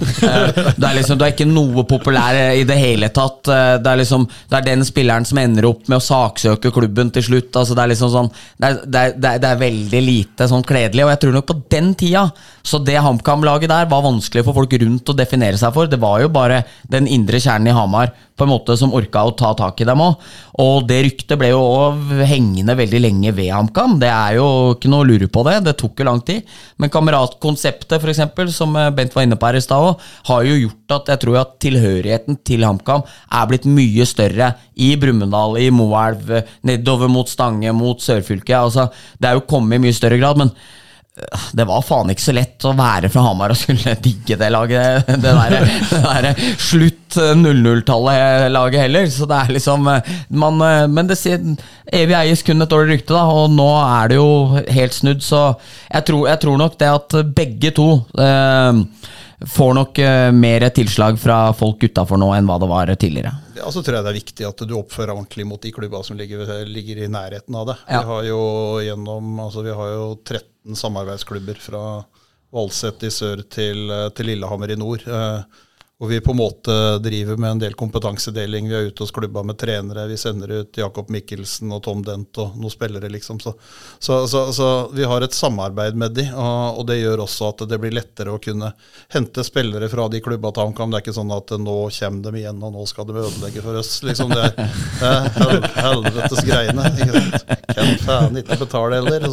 Så, du, du, vet, det, det, det, blir jo sånn, så jeg tror, jeg tror det, er en, det er en viktig del av det. at du du, fordi at det er, eh, det er, jo, det er jo en lokalpatriotisme. Hvis du holder med Brumunddal, så gjør du i utgangspunktet det, men, men samtidig så, så, så, kan du også holde med, holde med eh, flaggskipet fotballmessig på Innlandet, og det er, det er HamKam for tida. Det er, det er ingenting at ikke du kan gjøre begge deler, men det handler også for, for HamKam som klubb å oppføre seg ordentlig overfor, overfor Brumunddal som klubb, og det, mm. det, tror jeg er viktig. sånn at ikke det, det begynner på et styrerom hvor alle syns uh, HamKam er grådig og henter og bryr seg ikke om noe.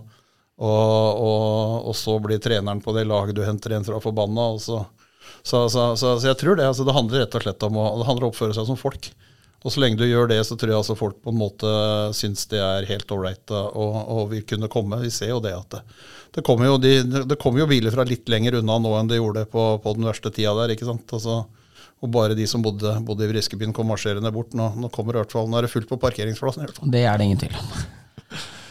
Og det er et godt tegn. Ja. Uh, nei, men Jeg tror det er viktig det du sier der, Bent. Det er jo, jeg tenker jo tilbake til Storhamar fotball. Var vel oppe i tredjedivisjon når HamKam var i andre.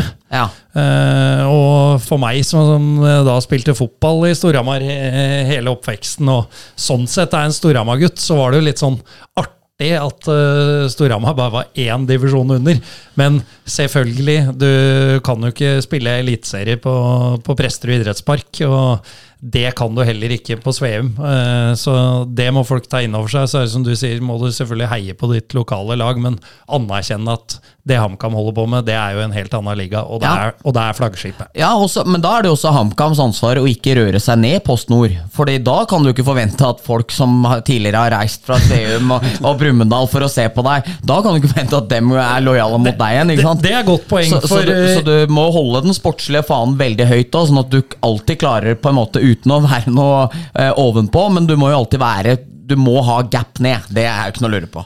Eh, det er helt riktig. Og det er klart, hadde Storhamar kommet seg opp i andredivisjon den gangen, ja. så hadde jeg sikkert holdt med de gule og blå ja. på Presterud i det oppgjøret. Ja. Og, det er, det er, og, det er, jo helt naturlig, egentlig, mm. på, på, på, alle mulige slags måter. Så det må, jo, det må jo være en nivåforskjell på, på, det for at du skal da kunne, kunne være med to, to klubber sånn på det. Så det er, har du spilt i Storhamar, så er du Storhamar-gutt, liksom. og da men samtidig, når han kan spille Eliteserien, så, så, så, er det mange der. Både de som spiller fotball og, og, alt det der. Og vi inviterer jo disse samarbeidsklubbene på match, og de kommer med 100 og 150 unger. og Det er klart det at det, det er viktig for oss også å rekruttere nye, nye publikummere. Da må du på en måte begynne med de unge. og Da handler det også om at uh, våre spillere oppfører seg etter kamp. At de tar seg de tida til å ta de bildene, at de skriver de autografene. At ikke de bare liksom uh, snur ryggen til, marsjerer av banen. og ikke dukker opp igjen. Så, så, så det, er, det, ligger liksom på, på, spillere, det ligger på klubb og, og på alt. Mm. Kamma er på rett vei ved den kyndige daglig leders eh, ledelse. Stødige hånd. Ja. Og um, noen som ikke er på rett vei, det er håndballgutta. Og det nå, nå, gleder vi oss litt ja. til eh, Bent skal uh, finne fram uh, kapp og gjærsaga her. For uh, for vi vet jo at uh, han og Bredli har uh, eh, høvla over både motstandere og dommere og det som er gjennom uh, nesten to tiår i førjulstida. Men uh, det håndballgutta, det mesterskapet de har levert nå, Bent Nei, det var mørkt. det er jo ingen, det er ingen, ingen altså det er ingen grunn til å si noe annet. Det er, det er en fiasko, rett og slett. det er et lag som reiste dit med ambisjoner om å, å slåss om medalje, som mente absolutt at de kunne gjøre det. Får en åpningskamp mot Polen som er fin, å vinne med ti mål. Og så kommer du ut mot uh, disse heroiske guttene fra Færøyene. Uh, 50 000 mennesker som bor på øya, men uh, de kan spille håndball, noen av de. Men det er klart Norge skal aldri tape for, uh, eller spille uavgjort mot et sånt lag. Så taper du for Portugal, og så taper du for, eh, for Slovenia, liksom, og da, da, er det, da er det mørkt. Eh, de kom aldri opp i gir. Eh, Kolstad-prosjektet skulle løfte landslaget. Så får jo det et skudd for baugen når Gøran Johannessen og Magnus Abelvik Rød kommer litt halvskada inn i mesterskapet. Det er jo i grunnen de, de to sammen med Sagosen som skal dra det i bakspillerrekka. Og så skader jo da Abelvik Rød seg, operert og ut i tolv uker nå. Gøran Johannessen finner egentlig aldri, aldri formen sin. Eh når de løper rundt eh, i Tyskland, verken i Berlin eller i Hamburg. Eh, det er mange nordmenn sannsynligvis som har vært i dårlig form i Hamburg. Men, men, men, men, det er klart, han greier ikke å være med å prege det, og da blir, da blir det en sånn, sånn ond spiral. Og så syns jeg de mangler totalt et, et altså Danskene har et godt uttrykk som heter 'ild i øya'. Uh, og, Jeg syns det mangler det. Jeg syns det blir flatt, det blir uh, forklarende, det blir for mye prosess, for lite resultat. Så totalt sett et meget skuffende mesterskap uh, av Norge. Og så kan de godt si at vi kom ut av det på beina i den forstand at du slår Sverige med ti mål i, i avslutningskampen, hvor de på en måte ikke tenkte på noe annet enn at de ikke skulle bli skada. Så ålreit prestasjon mot Sverige, for all del, men, men totalt sett er mesterskapet en fiasko. Men det Sagosen, hvorfor er ikke han bedre? Er det bare det at du kommer hjem, har fått barn, og at det er, blir for komfortabelt? Altså, jeg, jeg, jeg, kjøper liksom ikke den helt heller. Liksom. Nei, det er, det er, vanskelig å si, fordi at han var god. Eh, jeg kommenterte jo den der Golden League-turneringa i København uh, uka, før, uka før mesterskapet. Vi spiller uavgjort mot Danmark. Ser fornuftig ut bakover. Uh, og, og, ser ut som et håndballag, rett og slett. Og så, og så, slår de Polen, og da er alt på stell. Og så, og så kommer de andre røret. Jeg synes ja. de, de, mister selvtillit, de mister, de mister gnist. De uh, så er det da med, med, noen av de andre ute der. altså Hvor gode er de rundt Sagosen? De bruker to mann på han, og så bruker de fire på de fem andre, liksom. Det, mm. det, blir, det blir, litt sånn også. Så, så for Sander sin del, og med all respekt, han har båret dette norske landslaget siden han var 19 år, mm. fram til to VM-finaler og, og, sånne ting. Så han har jo hatt en fin høst i Kolstad. Mm. Han har vært outstanding. De har jo hatt noen av de største håndballminnene sine i Trondheim Spektrum. 8500 mennesker, slått Kiel, slått PSG. Så, så altså, det var liksom ingenting som tyda på det. Men, eh, men eh, rett og slett litt à la Spania, som, som, da gikk til semifinale i fjor når de, når de, slo ut oss. Ramler ut av gruppespillet, mm. som alle var helt sikre på skulle være altså I mitt tips så hadde jeg Spania oppe blant de topp fire, Norge som fem. Mm. Uh, men, men, det ble Nei, det er, altså, de, de må gjøre blytunge evalueringer. Eh, kampen mot Sverige må overhodet ikke bli noe sovepute. Og så smeller det igjen i mars når det er OL-kvalik. For det, det, tenkte jeg på, vent, for dette her er bortebane for meg og Johansen. Her, her er vi ikke sterke. Det er, eh, dette er eh, idrett jeg ikke er noe god på i det hele tatt. Men fordi ja, på en måte, Jeg ser jo at de som kritiserer og sånne ting begynner med Kolstad-prosjektet og at spillerne har for dårlig treningshverdag, og sånne ting, men samtidig de slår de laga som du påpeker, i Champions League. Når de er med hverandre, så har du jo en bra treningsgruppe pga. at det er mange av de beste spillerne i verden som er der samtidig.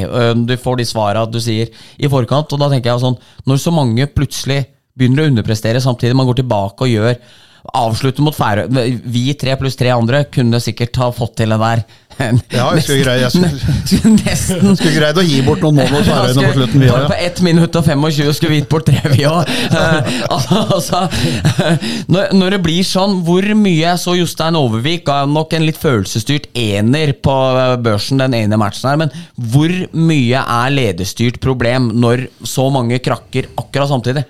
Nei, altså, du kan, alltid, du, kan, du kan alltid som spiller si at treneren burde gjort ditt og burde gjort datt. Altså, det eneste som er sikkert, er at treneren står ikke i mål og redder baller. Han står, skyter heller ikke det skuddet som, som går ut. Men så syns jeg det har vært for passiv coaching uh, i, i, perioder. Jeg syns det er uh, en tjenestefeil. Altså, håndballen har jo denne regelen som, som de fleste syns er idiotisk, med et syv mot seks-spill. Du kan ta ut keeperen og ha en ekstra spiller ute på banen. Men uh, nå er det, nå ligger det i verktøykassa til nesten alle nasjoner, nesten alle lag. Eh, vi bruker altfor lite, syns jeg. De tok det fram når vi lå under med åtte-ni mål mot Danmark.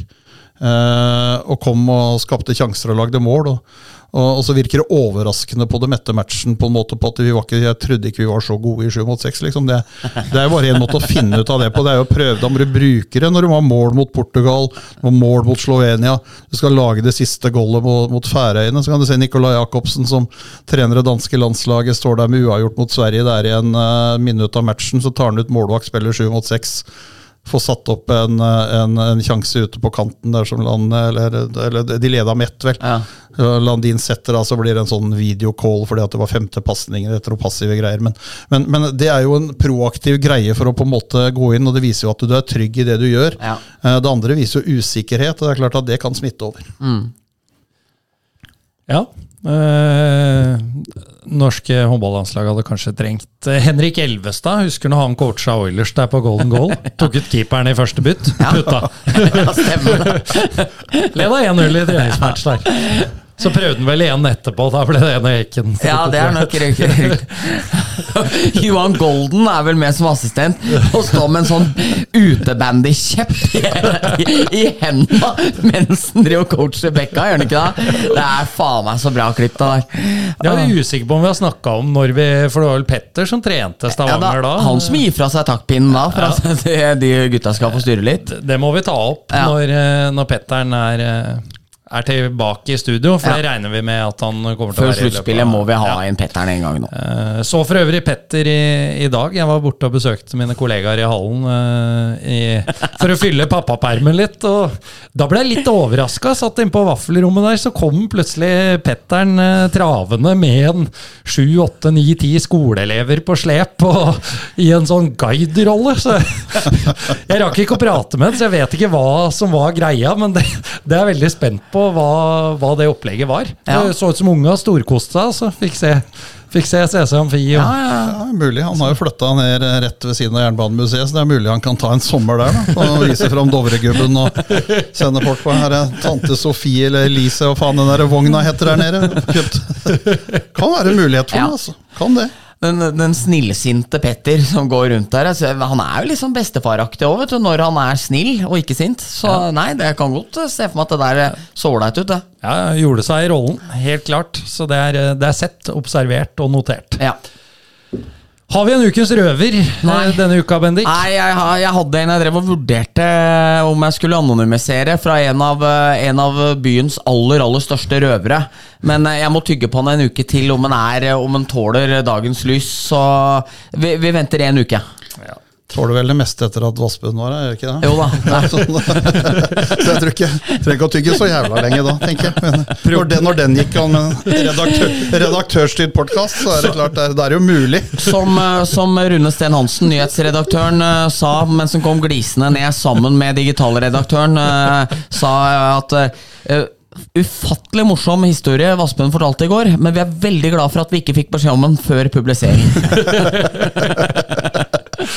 Ja, øh, og hvis det er såpass, da, så er det jo kanskje sånn Da gjør vi vel lurt i å bare hente inn Vassbunn, sånn at alle eventuelle søksmål går til han, Ja. selv om det er du som forteller historien. For det tar nok han piano. Det tror jeg han tar på strak arm. Nei, litt Obos. Ja, vi skal ha litt uh, Obos og fått gode tilbakemeldinger. På tysken, ja. Det var jævlig bra. Og til og med fått, dem, f eh, fått eh, de gode tilbakemeldingene fra Obos også. Ja. Eh, at de var veldig fornøyd med at de nå begynner å nå ut internasjonalt. Ja, ja, Sikta seg inn på det tyske markedet. Da skal vi prøve litt Obos, vet du.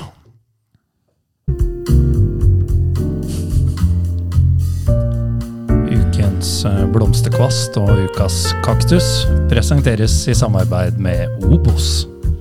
Visste du at som Obos-medlem får du halv pris på K-feltet i Amfin? Da kan du jo ta med kjerringa og begge unga på kamp for 320 kroner. Da blir det mye penger til popkorn. Si. Gå inn i Seal-appen og bestill. Halv pris der, altså. Ja, gikk, gikk ikke så verst, den. Nei, Nei. jeg var, jeg var meget høy klasse. Ja. Meget høy klasse. Kafévariant, var det det du kalte det? Eh, ja, litt sånn kafé-jazz. Obos-jazz. Ja. Obos-jazz. ja. Obos-jazzen. ja. Litt det. Ja. Eh, så får vi se om det blir noen tilbakemeldinger på den. Ja. Eh, Men tyska var veldig bra, så nå, jeg syns du gjør sakene godt nå, Joe. Takk for det. Takk, takk. Eh, vi skal ha ukas eh, kaktus og kast. Vi begynner med blomsterkvast. Skal jeg starte denne uka? Ja. Ja. Da går min blomsterkvast til Andreas eh, Dahl. Vi har jo tidligere gitt han ros både for at han har en eh, fantastisk sesong på gang, og også for idrettsgleden han viser når han skårer mål. Eh, jeg tror ikke han var klar over det, men når han vispa han opp i krysset på Urdal på lørdag, så kopierte han jo Ole Eskil. Ole Eskils ikoniske feiring i eh, NM-finalen 96. Mm. etter å ha banka inn en slager der, er det vel Ole Eskil eh, gjør, da. Men eh, herlig litt nostalgi i feiringa der, altså. Så det skal han få for av meg. Det tiltredes eh, Dahl i dag. Jeg kan jo komme med litt, eh, litt innsidesstoff her nå fra treninga. Han fikk seg ordentlig brikke på treninga.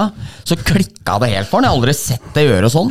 Så i neste bytt så senka han Kindle og Rønningen i, i, i, ned i vantet. Så Rønningen fikk eh, pleksiglasset som fikk ordentlig kutt over nesa. Og Dahl helt vill, og de andre gutta syntes jo det var jævlig gøy, da, så de drev og hissa han opp og sånne ting. Men eh, så det gikk ordentlig kule varmt for Dahl i dag. Det har jeg faktisk aldri sett før, så det var veldig morsomt å se.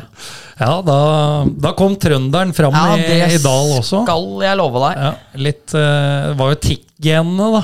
Ja, Fra, fra farsan, ja. som kom fram ja der, kanskje. virkelig, virkelig gamle griseriet til faren der. Så det var stort å se, rett og slett. Ja, herlig, herlig. Eh, Bendik, du følger opp. Ja, jeg følger opp, og det er jo denne Thor Nilsen-sagaen vi har prata om en god stund nå. At eh, i morgen, torsdag, så er det Thor som bestemmer musikken i CC Amfi. Gleder meg til Ja, match. Jeg òg. og Thor ringte jo her i stad nå, før vi gikk på lufta, og sa at i morgen blir det fløte. Sånn, med sånn tynn L, som Blakeren sier. I morgen blir det ordentlig fløte i uh, Olamfin. Så nei, jeg er spent på hva Thor drar opp av, eh, av hatten der. Tipper jo minimum tre CC Cowboys-låter. Ellers er jeg spent på hva som kommer på sida. Men kult at Surama gjør det. Kult Ja, stunt. ja, ja, veldig. Bent, hvem er det som skal få din ros denne uka?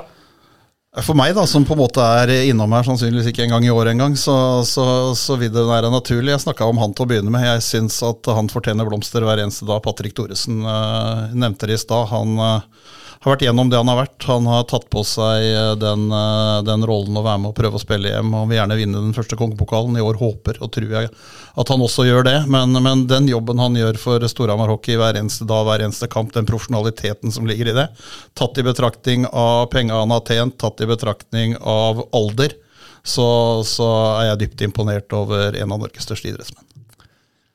Rene ord for penga, det. Ja, det er ikke jeg, det, jeg har en litt fin en på det. Jeg hørte at Patrick hadde vært på Briskeby i fjor. Uh, Patrick er jo en alfahann av de sjeldne. Og der hadde han jo møtt kanskje byens største alfahann, nemlig Ståle Solbakken. Og han legger jo ikke mye imellom for noe som helst. Og da hadde han helt ærlig sagt det, liksom, det var på sommeren, da. da. Patrick er jo litt han, han er jo tynnere om vinteren enn på sommeren.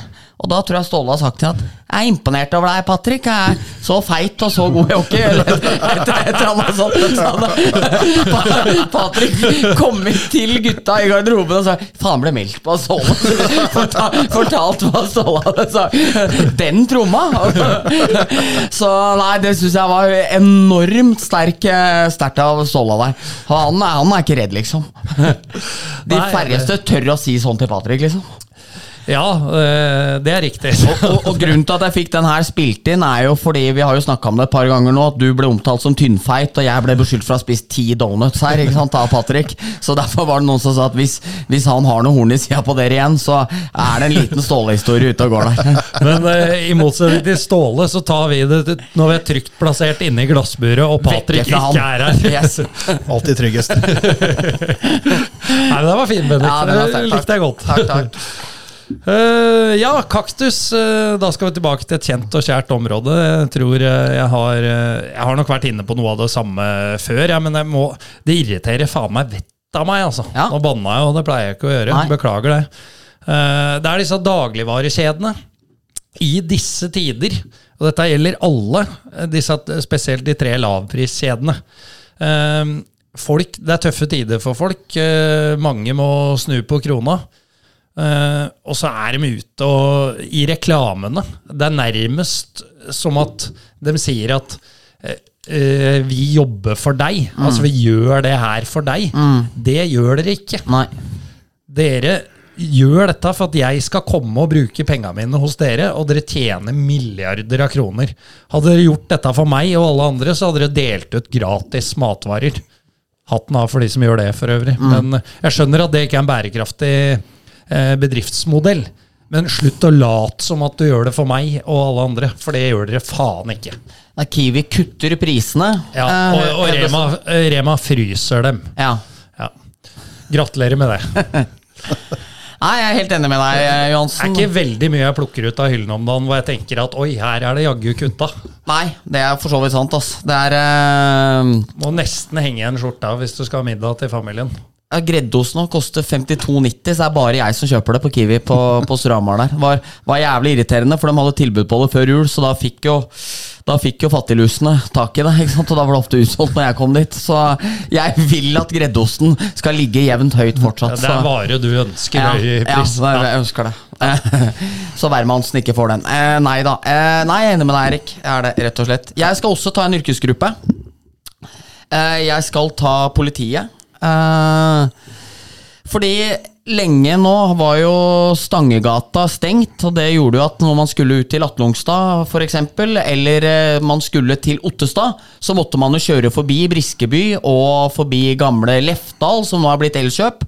Og der sto politiet hele tida og hadde eh, belte og mobilkontroll. Jeg har aldri blitt tatt for det, men i stillestående kø så var det åpenbart det mest viktige trafikkmessige eh, å, å pirke på. Det var å stå der og huke inn folk og terse tusenlapper hele jævla tida. Ikke noe trafikksikkerhet, eh, det, det var jo påskuddet, selvfølgelig. Men i stillestående kø så sto de der og hanka inn de jævla kakerlakkene. Nå, etter at den veien i Stange kom tilbake igjen, ikke sett én eneste belte eller eh, mobilkontroll bort på den veien der. Eh, så kan du spørre deg, er det profitt de lever av, eller hva de holder på med? For jævlig uting at eh, politiet driver og sanker profitt på den måten her. Så vi må opprettholde ACAB-fana og si det at det der syns jeg rett og slett ikke går an. Altså. Nei, det er jo, det er jo så kan du tenke deg da, nå, nå kjører jo folk rundt i om det er en Tesla eller hva faen det er, så er det, det er jo skjermer på 40 tommer. ikke sant? Du Ja. sitter og trykker på, du skal finne musikk og du skal holde på. og så Hvis du da i tillegg har vært innom eh, eh, innom en bensinstasjon og dytta på deg en burger, så sitter du med en dobbel cheeseburger i venstre handa, trykker, på, trykker på skjermen det andre og styrer med beina, liksom. Ja. Det, det går fint, men, ja. men det å på en måte Hvis du legger mobiltelefonen på låret og prater inn, så, så ryker du. Det er, eh, du vet, det er jo ikke rart folk drikker. Nei, det er ikke det. vet du, vet du. Det er, vi er enige om det. Prestasjon er faktisk at ikke det er på tyngre ting, men det, det, er, noe, det er noe sånn det er. Ja, men jeg synes det var så fælt, for det- den var faen meg der. Og, og gjerne i rushtida. Da sto de der blodtørste, fæle politifolka. Fysj og fy. Ja, Bent. da, Det er jo, det er jo med. altså, om det er en yrkesgruppe, men jeg, er jo, jeg har jo ramla inn i det elbilhelvetet. Og det er i og for seg fint. eh, Du har lader hjemme og du kommer men det er klart når du skal litt lenger da, enn en bare til byen eller til Stange eller til Oslo, så, så må du inn. Så det, det ladesystemet på det greiene der, helt jævlig. Altså du må, du må laste ned 14 apper, så må du være medlem av Elbilforeningen, sannsynligvis ha Kongens fortjenestemedalje i gull for å få lada driten. Ikke sant? Og når du kommer inn, så er det kø der, og så gir den der det står at den skal gi 150, og så får du 23, ikke sant? Og da, så, så du bruker jo Jeg kjørte til Porsgrunn, jeg brukte 4,5 timer ned, ikke sant? Kjører på 2,45 med en god, gammel bensinbil. Så, så, så det systemet der må de greie å gjøre. Det må være enklere å få lada den driten når du kjører rundt. altså Det er helt håpløst. Så, og, og apper og elbilforeninger, og så skal vi betale hundrelapper her og hundrelapper der for å få lov til å finne, og så virker ikke det. Nei, det går faen ikke an. Nei, men, men apper er jo det verste. Altså, det er, det er helt jævlig. Kjørte fra meg, skulle til Karoline her forleden. Skulle oppom eh, på gamle AKV, der det nå er en sånn idiotisk Coop-butikk. Altså, det, Den butikken er så jævlig at det er nesten ikke til å tro. Skulle ha én vare, kommer inn der ett minutt for seint. Da må du laste ned en sånn selvapp for å gå inn. Tenk deg, Da reiser jeg heller på Kiwien, på, på den der nye På Melumsløkka-Kiwien her, som blir frem og så tilbake igjen for å komme dit jeg skal. Men jeg orker ikke å stå Jeg skal i én Pepsi Max, jeg gidder ikke å laste ned en app bare for det. Altså, det er, det er, det, Og så er det sikkerhetskontroller, og så er det spørsmål om når du er født, og så må det ja, Nei, vet ja, om jeg var Så er jeg så enig. Selvbetjente kasser. Han skal du ha en snusboks eller en pakke røyk, liksom. Så Ja. må du stå og vente der et kvarter da, på at det kommer en, for det blinker ei rød lampe. Ja. Du må godkjenne at du kjøper den. Det er det, det er mye rør, altså. Det, er, det er rett og slett det er, det er eh, Verden vil bedras. Det er sjanseløst. Ja, det er. Rett og slett. Det er vel det beste ordet. Men, men det, det du sier med sånn som med elbilene her, altså det er jo vel og bra det at eh, man ønsker at folk skal kjøre elektrisk, men det er jo litt som vi har snakka om før, om det er eh, papirsugerør eller trebestikk, eller om du skal være vegetarianer. Det er jo greit, det, men da må det stå i stil. Altså Mm. Ytelsen må være like bra. Eh, for som du da sier, skal du til Porsgrunn da, og bruke to timer mer enn du gjør med en bensinbil, og du ofte kjører sånne distanser, da kjøper du jo ikke elbil. Nei, det blir Så dieselpulker, da. vi blir må det. opp på de tinga der. Ja, De må i hvert fall greie å gjøre noe, gjøre noe med de tinga. Det dukker opp selv. Uansett hvor du stopper en, så er det et nytt navn på en sånn der lader. ikke sant? Så må du begynne å leite på AppStore, og skal du gjøre det, og så må du legge inn kortet ditt. og så... Og så står det en sånn der klistrelapp der. Hvis du er medlem av Elbilforeningen, så kan du bare legge på brikka her. liksom. Det er, du må ikke melde deg inn overalt. Nei, Du nei, er nei. medlem overalt for det der greiene der. Det er, det, er, det er genialt, og det er fint, og det er flott, og det er helt sikkert miljø, miljøvennlig, men, men det må gjøres brukervennlig. Det er, vel, det er vel på en måte bottom line, det som ligger i det. Ja, helt enig. Er du medlem av kundeklubben? Nei. Skal ikke bli det heller. For det spør òg alle butikker. Ja. Jeg hadde ikke tenkt det. Slager vi på den på tampen? Fint. Eh, Bendik, tusen takk til deg. Takk til du deg, har vært eh, meget sterk også i dag. Og så må vi takke deg, da, Bent, for at du kom hit til uh, glassburet. Ja, var enda sterkere. Bent har levert. Ja, vi er veldig fornøyd det. med gjesten. Vi er veldig fornøyd. Det er hyggelig å høre. Nei, men det er bra, det, Ja, på gjenhør neste uke. Adjø. Takk for nå. Hei, ja. Farvel.